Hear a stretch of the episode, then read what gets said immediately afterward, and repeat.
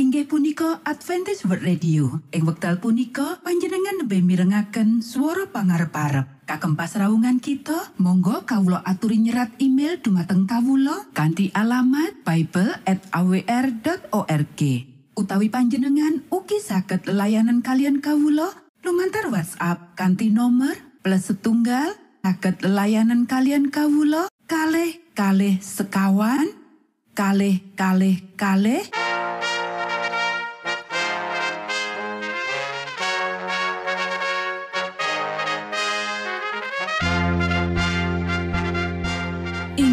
punika Adventist World Radio ingkang giaran kanti basa Jawi. Tentrem Rahayu Kulo aturaken kagem para Mitra kinasih ing pundi papan lan panggonan. Sugeng pepanggian malih kalian Adventist World Radio. Kanti bingahing manah Kulo badi sesarengan kalian para Mitra lumantar saperangan adicara ingkang sampun rinonci mligi kagem panjenengan sami. Mugi giaran punika saged migunani tuen dados berkah kagem kita sedaya. Sugeng midhangetaken Gusti amberkahi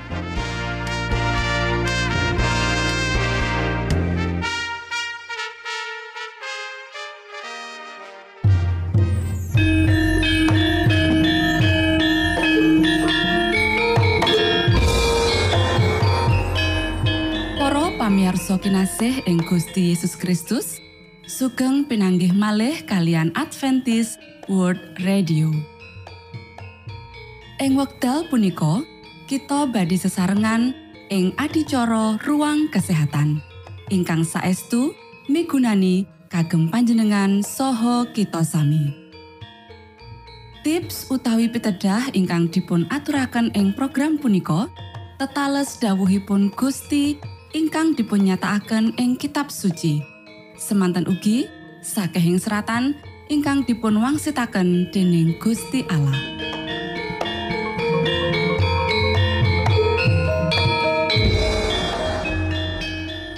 Nanging saderengipun monggo kita sami midhangetaken kidung pujian.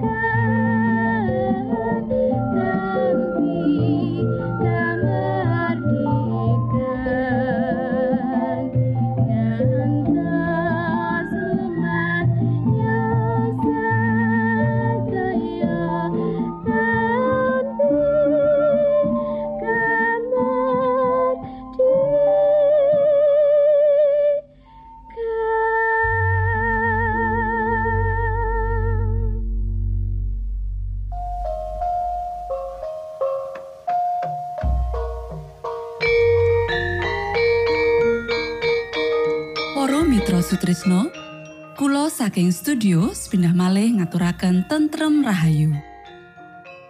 Puji syukur dumateng Gusti ingkang murbeng dumati ingkang sampun kepareng paring wewenngan kagem kita. Satemah saged nglajengaken ruang kesehatan.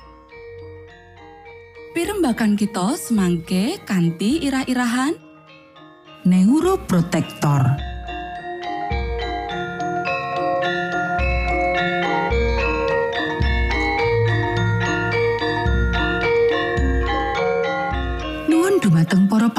Pamiarsa kakung saha putri ingkang dahat kinormatan sugeng pepanggian malih kalian kula Isti Kurnaidi ing adicara ruang kesehatan.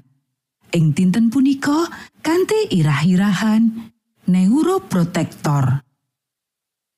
Para sedherek ingkang kinase wonten ing Gusti neuroprotektor ya iku Zat antioksidan kang lindungi otak lan sakabehing sistem syaraf saka karusaan lan kondisi aus kang kanthi cara alamiah terus lumaku akibat aktivitas metabolisme kang terus lumintu.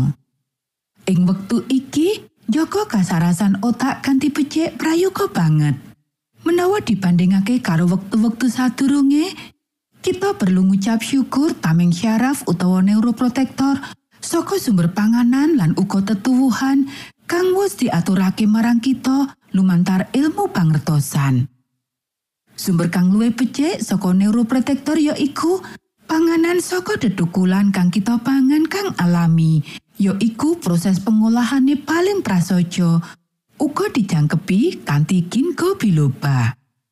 Panelitian kang lagi wae kabukti menawa panganan lan tetukulan kang asipat neuroprotektif utawa nglindungi saraf uga becik kanggo nyegah tuwe lelara degeneratif otak kaya dene Parkinson, Alzheimer, MS lan demensia. Uga becik kanggo dandani lan ningkatake performa intelektual lan stabile mental lan ngendhek penuaan otak.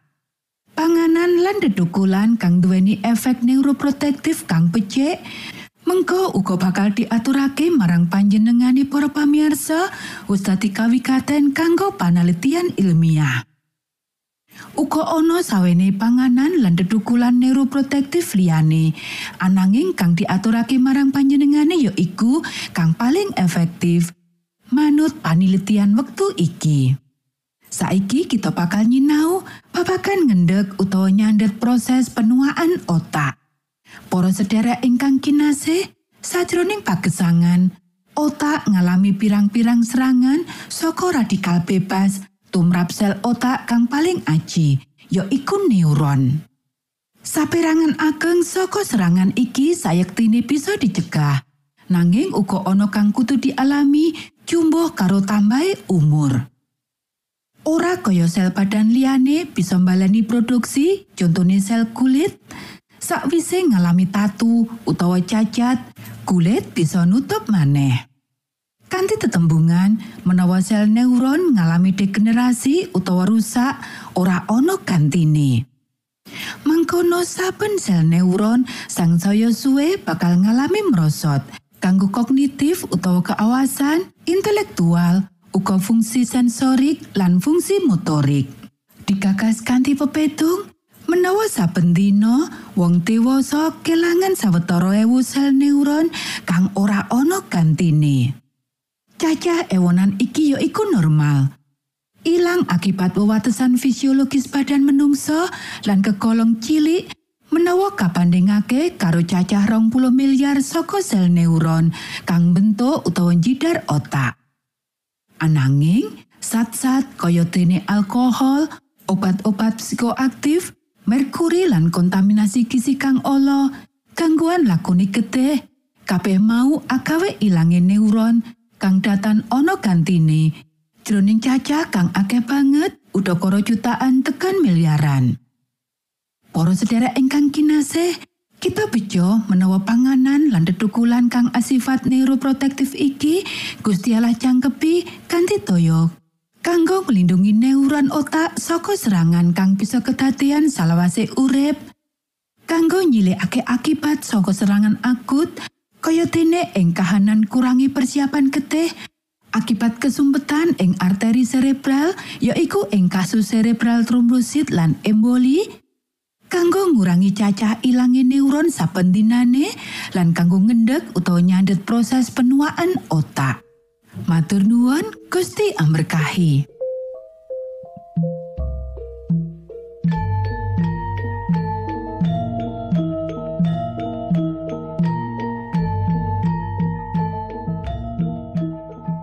Cekap semanten pimbakan ruang kesehatan ing episode dinten punika. Mugi pisegahan punika saged migunani kagem kita sami. Ugi sampun kuatos jalaran kita badhe pinanggih malih ing episode sak lajengipun.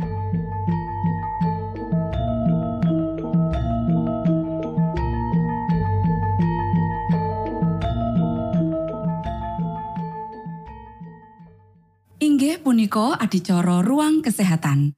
Menawi panjenengan gadah pitakenan utawi ngersaakan katerangan ingkang langkung, monggo kulo aturi kinton email dateng alamat ejcawr at gmail.com utawi lumantar WhatsApp kanti nomor 025 pitu 00 songo songo papat 00 pitu.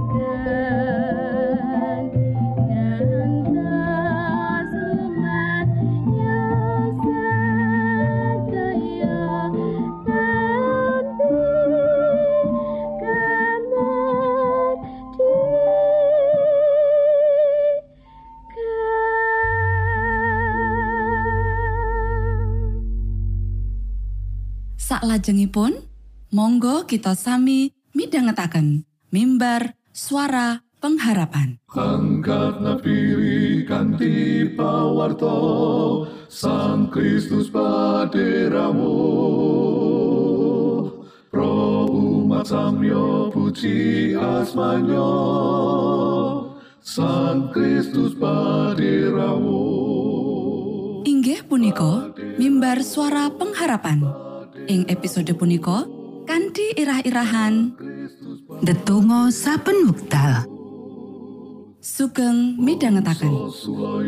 Minangka tondo Sang Kristus paderamu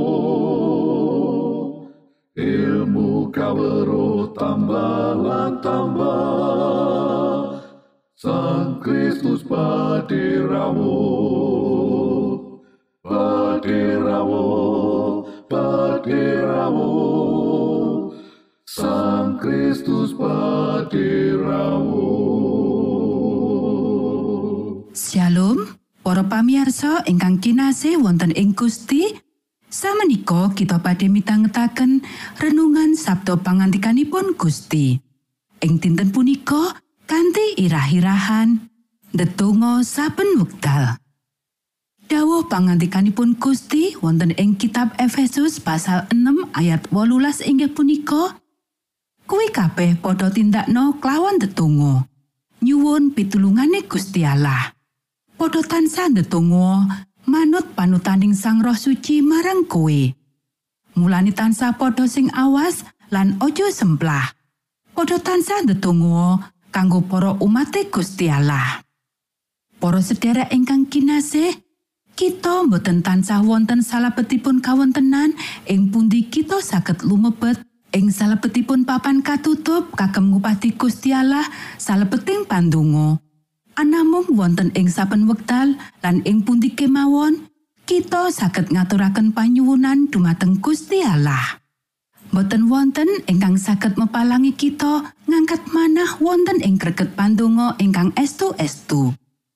Ing satengahipun ramenipun margi lan ing satengahipun gumrekuting pambudidaya kita saged ngaturaken panyuwunan dumateng Gusti Allah lan nyuwun tuntunanipun Gusti kados dene Nehemia nalika panjenenganipun damel panyuwunan ing ngarsanipun noto artasasta. Setunggalipun patunggilan katutup saged kapanggihaken ing pundi kemawon kita wonten. Kita ketah mbikak manah lajeng kemawon lan atur kita lajeng kemawon kaunjukaken supados Gusti Yesus kepareng rawuh lan lerem dados daya agung kasuwargan saklebetipun jiwa kita. Para sederek, sanadyan wonten kawontenan ingkang reget, ingkang blasar ngupengi, kita mboten ketah nyerot racunipun. Anamung kita saged gesang ing swasana kasuwargan. Kita saged nutup saben kori penggalih reget lan penggalihan ingkang boten suci kanthi ngangkat jiwa dumateng ngarsanipun Gusti Allah lumantar pandonga ingkang tulus. Panjenengan panjenenganipun ingkang manahipun tinarbu nampi keparengipun lan berkahipun Gusti Allah badhe lumampah wonten salebeting swasana ingkang langkung suci tinimbang ingkang wonten ing jagat lan badhe kagungan patunggilan ajeng kalian Gusti Allah. Manah ketah lajeng kemawon nyenyuwun rawuhipun lan sih palimirmanipun Gusti Yesus supados jiwa menika pikantuk pepadangipun Gusti Allah lan kawicaksanan kasuwargan. Para sederek, kita ketah nggadhahi pemangke-pemangke ingkang langkung cedha perkawis Gusti Yesus lan pangertosan ingkang langkung jangkep perkawis ajinipun kasunyatan langgeng. Kaendahanipun kasucen ketah ngisi manahipun titahipun Gusti Allah. Lan supados menika saged kakayo, pramila kita ketah ngupati pepajaripun Gusti Allah menggah perkawis-perkawis kasuwargan. Sekar srengenge tetep ngajengaken dumateng srengenge. Menawi sekar menika kasingkuraken dhateng srengenge, pramila kandilanipun badhe minger ngantos ron sekaripun ngajengaken dumateng sunaripun sengenge.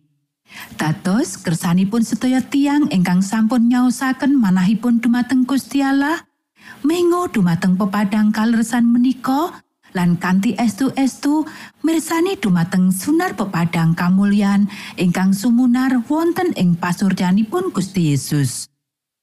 Para sedherek ingkang kinasih, manungsa asring damel prasetyo namun boten netepi.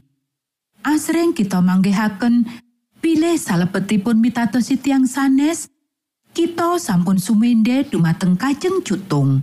Namun Gusti boten badhe ngucewakaken jiwa ingkang pitados dumateng panjenenganipun. Monggo kita sami ndedonga. Duh Rama kawula ingkang wonten ing swarga, asma patuko mugi kasucikaken. Kraton patuko mugi rawuh. Karso patuko mugi kalampahan wonten ing bumi kados dene wonten ing swarga. Kawula mugi kaparingan rejeki kawula sak cekapipun ing dinten punika. Saha patuko mugi ngapunten kalepatan kawula kados dene kawula inggih ngapunteni tetiang ingkang kalepatan dumateng kawula. Punapa dene kawula mugi sampun ngantos katantukaken dhateng ing panggoda nanging mugi sami patuko uwalaken saking piawon. Awit dene patuko ingkang kagungan kraton saha wisesa tuwin kamulyan salami-laminipun. Amin.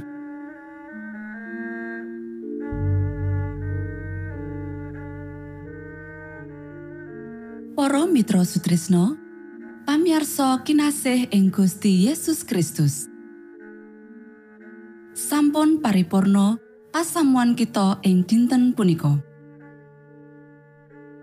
Menawi panjenengan gadah pitakenan utawi ngersakaken seri pelajaran Alkitab suara nubuatan, monggo Kulo aturi kintun email dateng alamat ejcawr gmail.com utawi lumantar WhatsApp kanti nomor 025 pitu 00 songo songo papat 00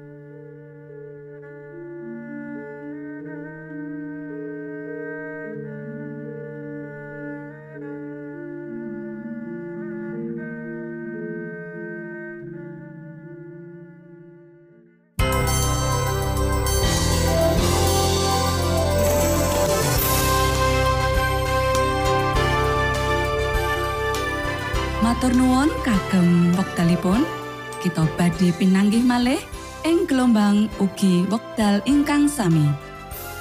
Saking studio kula ngaturaken tentrem rahayu. Gusti amberkahi kita sedaya. Maranata.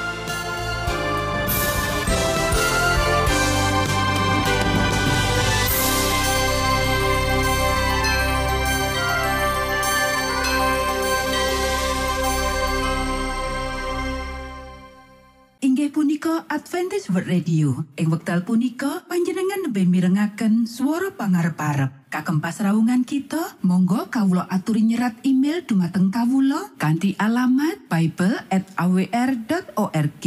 Utawi panjenengan ugi saged layanan kalian kawula lumantar WhatsApp kanthi nomor plus setunggal saged layanan kalian kawula kalih kalih sekawan kalih kalih kalih